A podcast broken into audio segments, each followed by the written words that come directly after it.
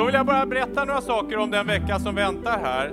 Den är väldigt speciell. Finns det en enda debatt som vi borde hålla här i Almedalen så är det den vi ska ha nu.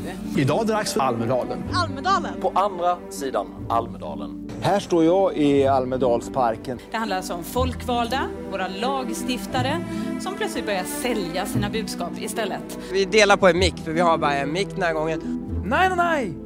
Och vill man visa att man verkligen har förstått Almedalen, ja då säger man det en gång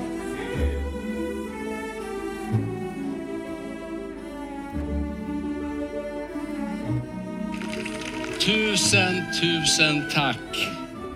Det är inte alla partier som har en tidigare försvarsminister som partisekreterare. Men det har Moderaterna. Kajsa, tack för vårt fina samarbete.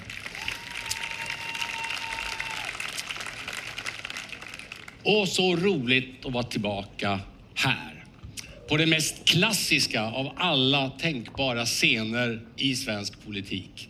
Allt sedan Olof Palmes tid 1968 så har Almedalen varit en fast punkt i en rörlig tid i svensk demokrati. Den traditionen vill även jag vårda. För jag tror vi behöver några gemensamma referenspunkter i politiken som ju annars mest handlar om allt som skiljer oss åt. En annan sån fysisk plats att vårda, det är faktiskt Harpsund. Gården i Sörmland som i exakt 70 år har varit den svenska statsministerns ställe för rekreation och inrikes och utrikes gäster, som det står i det gamla testamentet. För några veckor sedan så bjöd jag in alla statsministrar före mig och deras familjer för att ge dem chansen att uppleva Harpsund igen. Att återuppleva platsen. Och för att tillsammans med dem fira den entreprenör som för 70 år sedan skänkte Harpsund till den svenska regeringen. Jag måste säga att under en eftermiddag få samtala med fyra generationer Erlander, två generationer Palme, en tredje generationens Ullsten och dessutom med Torbjörn Fälldins hustru Solveig.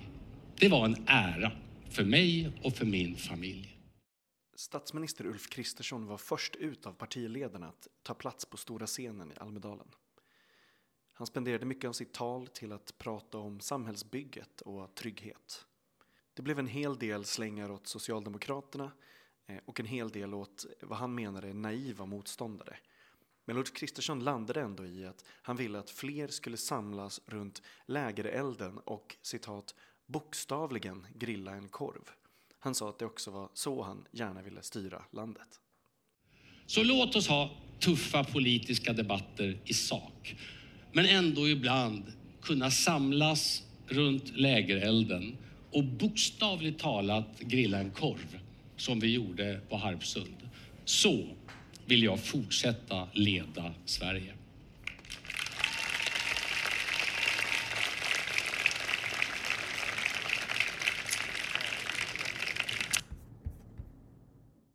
Den uppmärksamma märkte att Ulf Kristersson i början av sitt tal kallade partisekreterare Karin Enström för Kajsa.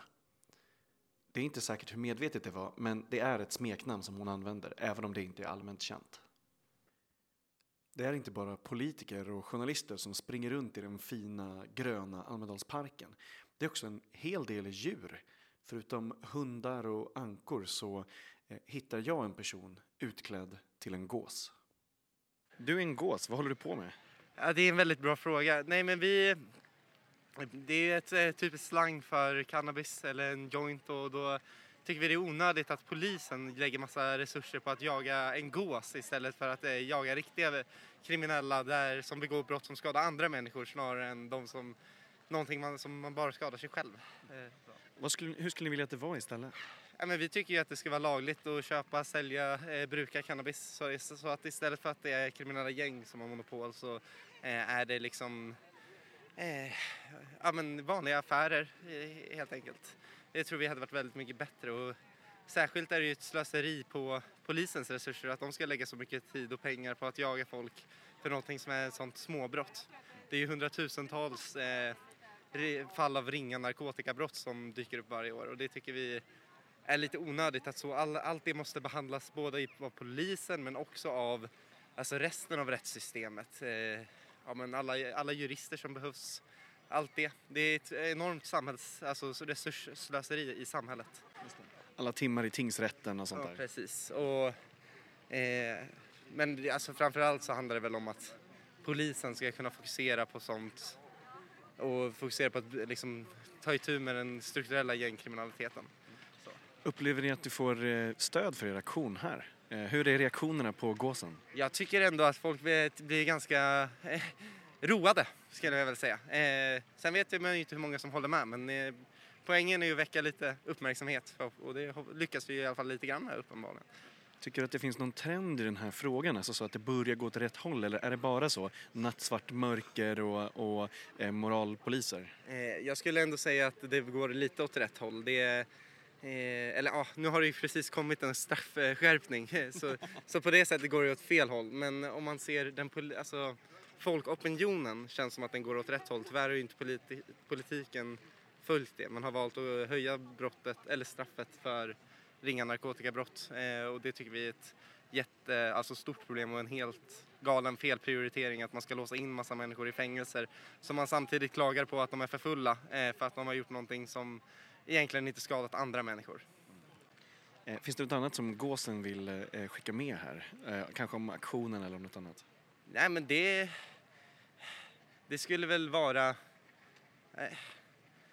jag vet inte. Alltså, 420 Blaze it. Det... Jättebra. Tack Gåsen. Eh, du ska få fortsätta springa runt. Tack. Eh, nu har jag redan pratat med Gåsen. Eh, nu ska jag prata med några luftpoliser här. Vad, vad håller ni på med egentligen? Det här är vår kampanj för att visa hur, obs, eh, hur jäkla korkat det är helt enkelt med den narkotikalagstiftningen vi gör idag som gör att polisen måste lägga pengar och resurser på att jaga människor som är fast i narkotikamissbruk. Det, är också ett, det visar också de kriminella gängen hur de liksom kan eh, sälja väldigt mycket knark och få väldigt mycket pengar utifrån det och det vill vi ju stävja med en avkriminalisering och att även kriminalisera cannabis. Eller vet du förlåt, legalisera cannabis givetvis. Och då är det ju också väldigt tråkigt med den här strafflagstiftningen målsättningen som regeringen nu går fram med också, det är ju att gå helt fel håll. Vi vill ju gå till, med, till det motsatta med en eh, human narkotikapolitik som sätter människoliv före magkänslan. Hur reagerar, eh, eh jag menar, eh, ett moderparti sitter ju, ni är inte samma som moderpartiet, men ett moderparti sitter i regeringen. Hur reagerar de, reagerar de på den här kampanjen? Alltså har ni egentligen dem med er eller är det så, ja, vilka är på er sida egentligen? Mm partiet är ganska vana vid att vi har roliga kampanjer så de brukar vara ganska taggade på det. Och vi har ju faktiskt fått dem att vända, att vilja eh, utreda avkriminaliseringens effekter och se över det. Så det finns små öppningar i svensk politik. De är lite för små tycker vi givetvis, men vi fortsätter pusha och partiet brukar inse att LUF har rätt. Så var det med NATO-medlemskapet, så var det när homosexuella skulle få rätt att gifta sig. Och till slut kommer ju partiet vända och förstå att det är vi som har rätt. Det, så ni är en effektiv blåslampa på partiet alltså? Ja, absolut. Vi är en effektiv blåslampa och en ideologisk vakthund. Eh, och vad heter du och vad har du för position? Jag heter Gabriella Toftered och jag är andre vice ordförande för Liberala ungdomsförbundet. Tusen tack. Tackar. Det är inte bara journalister, lobbyister och företag som är i Almedalen. Många myndigheter och regioner är här. Och det är kul att ta en liten titt på vad myndigheterna lägger sina pengar på här i Almedalen.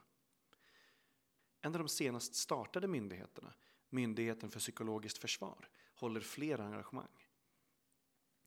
Jag gick på ett som handlar om berättelser och övertygande berättande. Där man pratade om skadliga narrativ och hur man kan övertyga människor. Evenemangets titel är Berättelser som bär om att skapa mening och motståndskraft.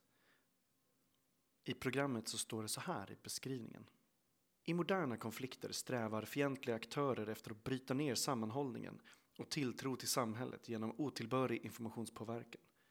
Ett av redskapen kan vara kraftfulla narrativ, berättelser som sår misstro och splittring i samhället.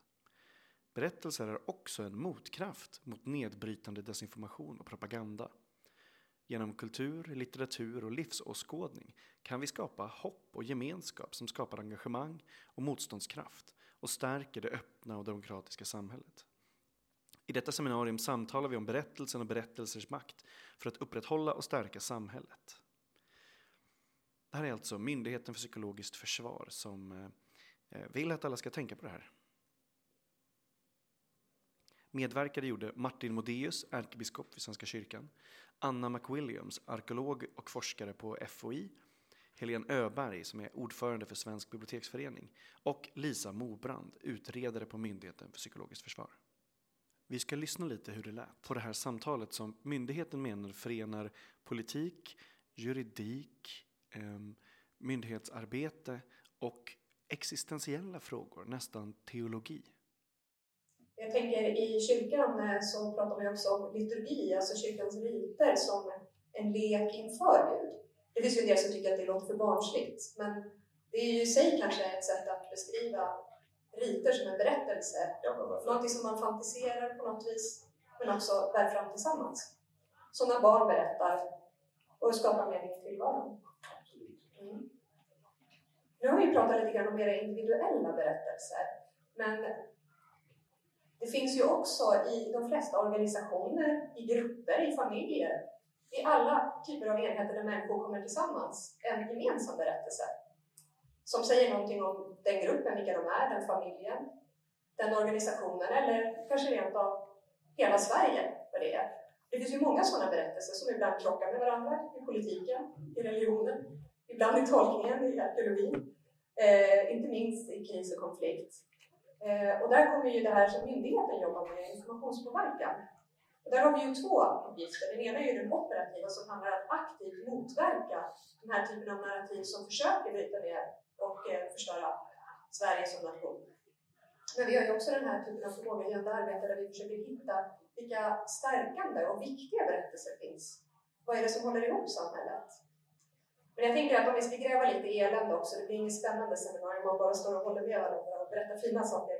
Så tänker jag i myndighetens definition på informationspåverkan är ju delvis just det här att eh, man har en narrativ man försöker sälja fram, och i främmande makt i vårt fall.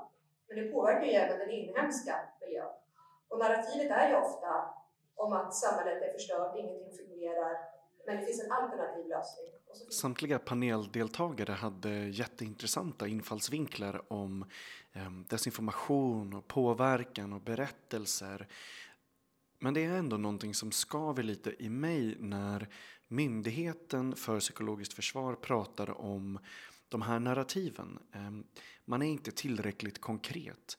Istället så riskerar man att måla ut alla typer av samhällskritik eller systemkritik som en del av de här eh, naggande, eh, förstörande narrativen. Eh, det låter som att det måste finnas en nationell en, eh, enighet. Det måste eh, finnas någon form av konsensus, att allting är som det måste vara eller ehm, eh, eh, att de här alternativen eh, på något sätt inte är realistiska eller kanske inte ens önskvärda. Ehm, och det det var därför jag också ville gå på den här, för att höra eh, mer om det. Ehm, jag blev inte jättemycket klokare. För de som vill lyssna på hela samtalet så finns det inspelat på Almedalen Play. Jag blir alltid lite allergisk när folk talar om liksom, kristna värderingar. Ja, men vad är det då? Är det att älska sin medmänniska eller är det fri tillgång till skjutvapen? Båda delarna finns under paketet kristna värderingar i olika länder. Men har man den här personen, Jesus som riktmärke, då får man hela tiden någon som står där liksom och bråkar med ens värderingar oavsett vilket håll man kommer in ifrån. Och det tror jag är sättet att, att ta den här desinformationen, attackerna alltså som du beskriver, min företrädare. Jag får det förstås också naturligtvis. Att, att berätta den goda berättelsen om man ska inte låta sig dras in i det där spelet. För man, spel, man spelar utifrån olika förutsättningar. Eh, man brukar ju prata också om att alla människor har ju behov av berättelser och eh, om man inte har en, en egen berättelse, så att säga, om man inte har landat i någon, och det kan ju vara en tradition, ingen människa föds ju liksom blank utan man föds in i ett sammanhang, så kan man ju också mycket lätt påverkas av de som vill sälja in en annan berättelse. Ehm, och på många sätt har ju våra myndigheter, vi är på många sätt nya, men vi har ju existerat i en tidigare inkarnation åtminstone. Ehm, det var ett väldigt teologiskt uttryck. Och, eh, men det var ju en annan tid. Eh, det finns många av oss som intresserar oss för totalförsvar som ibland pratar lite nostalgiskt om den där förra gången, när allting fungerade, totalförsvaret. Men eh, det var ju också en helt annan kultur, ett helt annat samhälle. Ehm, och kanske också ett samhälle där kommunikationen flödade mycket åt rätt håll i ganska många organisationer, både från myndigheternas sida och också från kyrkans sida som ju var statskyrkan på den tiden. Eh, och myndighetens uppgift på den tiden var ju delvis också att stå för den här kommunikationen ut. Men nu befinner vi oss i ett ny sammanhang. Jag tänker också, när det kommer till bibliotek, är ju också det att biblioteken kanske inte alltid är den platsen folk går för att få information. Eh, och också att biblioteken har ju också tagit på sig en ny roll, bland annat genom biblioteket. Eh, jag tänker också när det gäller arkeologi pratar vi bland annat om digitalisering och tillgängliggörande. Och det handlar ju delvis också om att eh, ge människor möjlighet att kunna själv söka upp information de är intresserade av. Men det här ställer ju nya krav på människor. Vad tänker ni om det? När man liksom själv på något vis måste söka upp berättelsen. Vad tänker ni kring det? Den tiden som eh, moderatorn pratar om här med ja, men en, en starkare statlig berättelse det är ju under en tid där eh, politisk opposition också eh, kriminaliserades, pressades på olika sätt. Eh, där radikala element inte var med om vissa, eh, eller uteslöts från vissa sammanhang, sågs som mer illegitim. Ehm, och eh, det, jag tycker att det blir en lite enkel bild. Eh, det känns nästan ledande i, i eh, den här biten. Det här är såklart min eh, tolkning, men det är ju det ni får höra eftersom det var jag som satt där och eh, inte ni. att det är just myndigheten som säger så här gör att det blir ett, en statlig pekpinne i det. Ja, man ska utreda och, och förebygga och, och prata om eh, desinformationen som sker, kanske från andra länder, kanske från eh, kriminella aktörer eller liknande. Men jag tycker att man behöver vara mer konkret då. Eh, just för att inte riskera att måla upp politisk opposition eller eh, till och med radikala tankar och radikala förslag som eh, oönskade eller farliga. Där Moderaternas halvdag tog slut började Miljöpartiets. Jag fick lite tid med Leon som är språkrör för Grön ungdom. Nu sitter jag igen på biblioteket. Det känns som att det är mitt favoritställe här. Ehm, eller det är mitt favoritställe i Almedalen. Ehm, men eh, jag sitter inte själv. Ehm, vem är du med mig här i det här vanliga lilla rummet som vi har bokat? Eh, Leon McManus heter jag och är språkrör för Grön ungdom. Eh, och jag, jag, måste hålla med, jag, jag kände det var jätteskönt att komma in på biblioteket. Det var så eh, lugnt och svalt och ja, det var väldigt härligt. Bra plats du har valt. Det är så proffstips. Ehm, jag har sagt det ofta, men det, det, är fortfarande folk som så sitter och jobbar på något café istället och försöker att inte bli störda eller, eller något sånt där. Bibliotek är ju generellt underskattade. Det är en så tyckpressen-linje vi, vi har. Vad, vad tycker du om bibliotek? Alltså jag älskar bibliotek. Eller alltså, jag tycker det borde finnas fler. Det, det känns som att det är så sista stället i samhället som är så eh, inte kommersiellt. Typ. Min första fråga till dig är, eh, vad ser du själv personligen mest fram emot med årets Almedalsvecka? Oj, gud vilken bra fråga. Um, eh, nej men jag ser fram emot eh, Rädda Barnens eh, debatt om, om migrationspolitik. Ehm, det känns som att, eh, ja, men jag brinner mycket för migrationsfrågan liksom, och eh, eh, det känns som en debatt som skiljer sig från resten av Almedalen, liksom, som mest bara är ja, men, företagsdebatter liksom, eller, som, som man är på.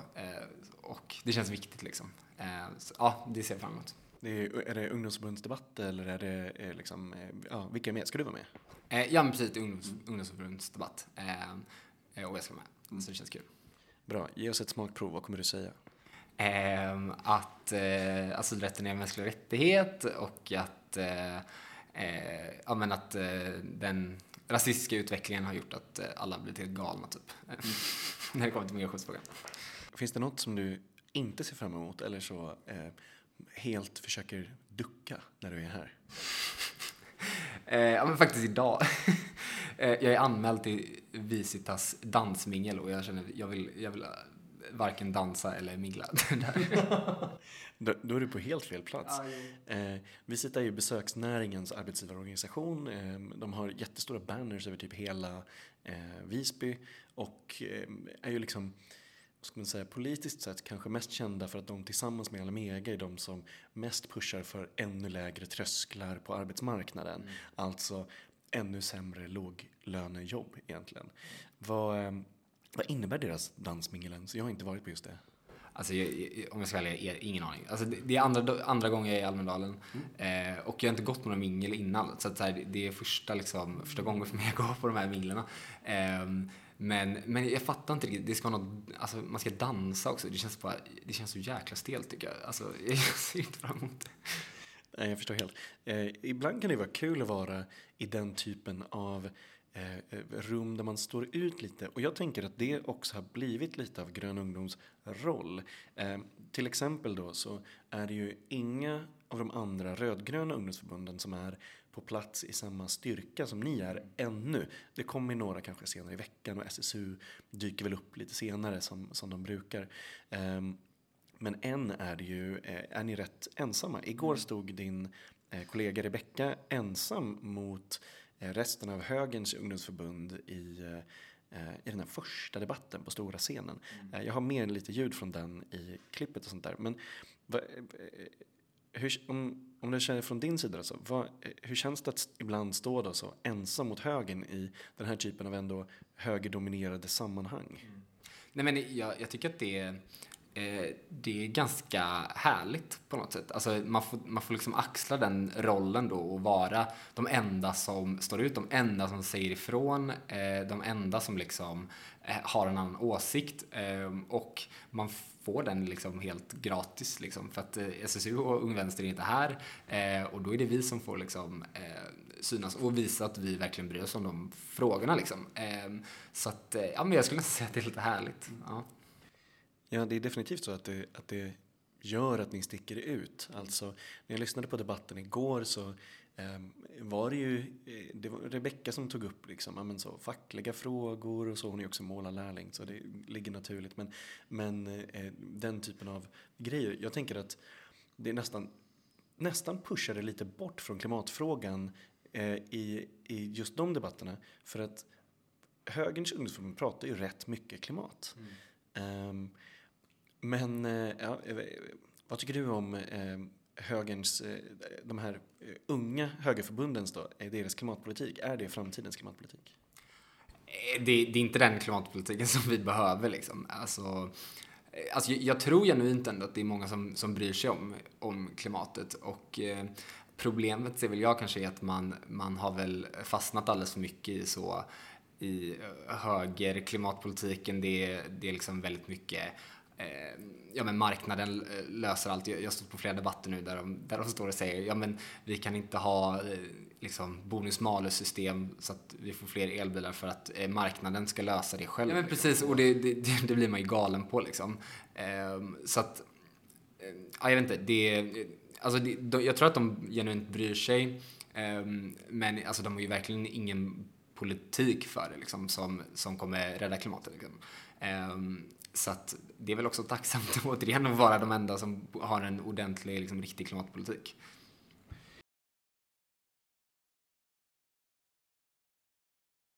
I ehm, det här avsnittet, eh, eller efter det här avsnittet sen så kommer redan Märta ha pratat. Ehm, det är ju eh, det är så att partierna har halvdagar. Eh, Moderaterna hade förmiddagen och ni, eller Miljöpartiet får eftermiddagen. Vad hoppas du att Märta tar upp i sitt tal? Eh, nej men jag hoppas eh, såklart att hon eh, är tydlig när det kommer till klimatfrågan. Eh, alltså, eller miljö och klimatfrågan. Eh, för att ja, alltså det känns som att vi är de enda som står upp för det. Alltså, både till höger och till vänster. Det, vi har ju sett liksom hur sossarna och vänstern också eh, börjar, kan tänka sig att eh, höja eller sänka bensinpriser och, och grejer. Så att jag hoppas att hon är väldigt tydlig där eh, och det tror jag absolut att hon kommer vara. Ehm, men sen hoppas jag på två saker till och det skulle jag säga är ja, men, eh, klasspolitiken. Att eh, vi måste jämna ut klassklyftor ehm, och sen också stå upp för antirasism. Eh, det känns också som att det blir färre och färre som gör det och det, vi måste liksom vara de som står upp för antirasism. Annars kommer det snart inte finnas några kvar. Eh, förra året var det två partiledare bara som lyfte rasism i sina tal. Mm. Eh, i, I det här som ändå är menar, ett linjetal kan man ändå säga. Mm. Och det här var precis innanför valet då. då. Eh, de enda två som lyfte rasism i sitt tal det var Annie Lööf och Jimmy Åkesson som lyfte rasism mot svenskar. Eh, det är ju ett jävla underbetyg för, för alla som, som säger sig vara antirasister. Och sen är man inte förvånad över att Jimmy Åkesson tror att det finns rasism mot svenskar i det här landet.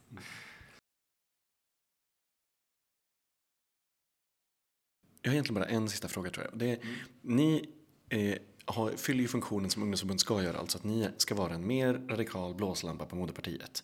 Mm. Eh, och ni har ju, eh, driver ju frågor där de inte håller med eh, och så, eh, ja, eftersom ert syfte ändå är att så pusha dem. Eh, mm. Den stora är ju språkrörsmodellen mm. där, eh, där ni driver en, en annan linje. Va, vad är det för linje och varför gör ni det?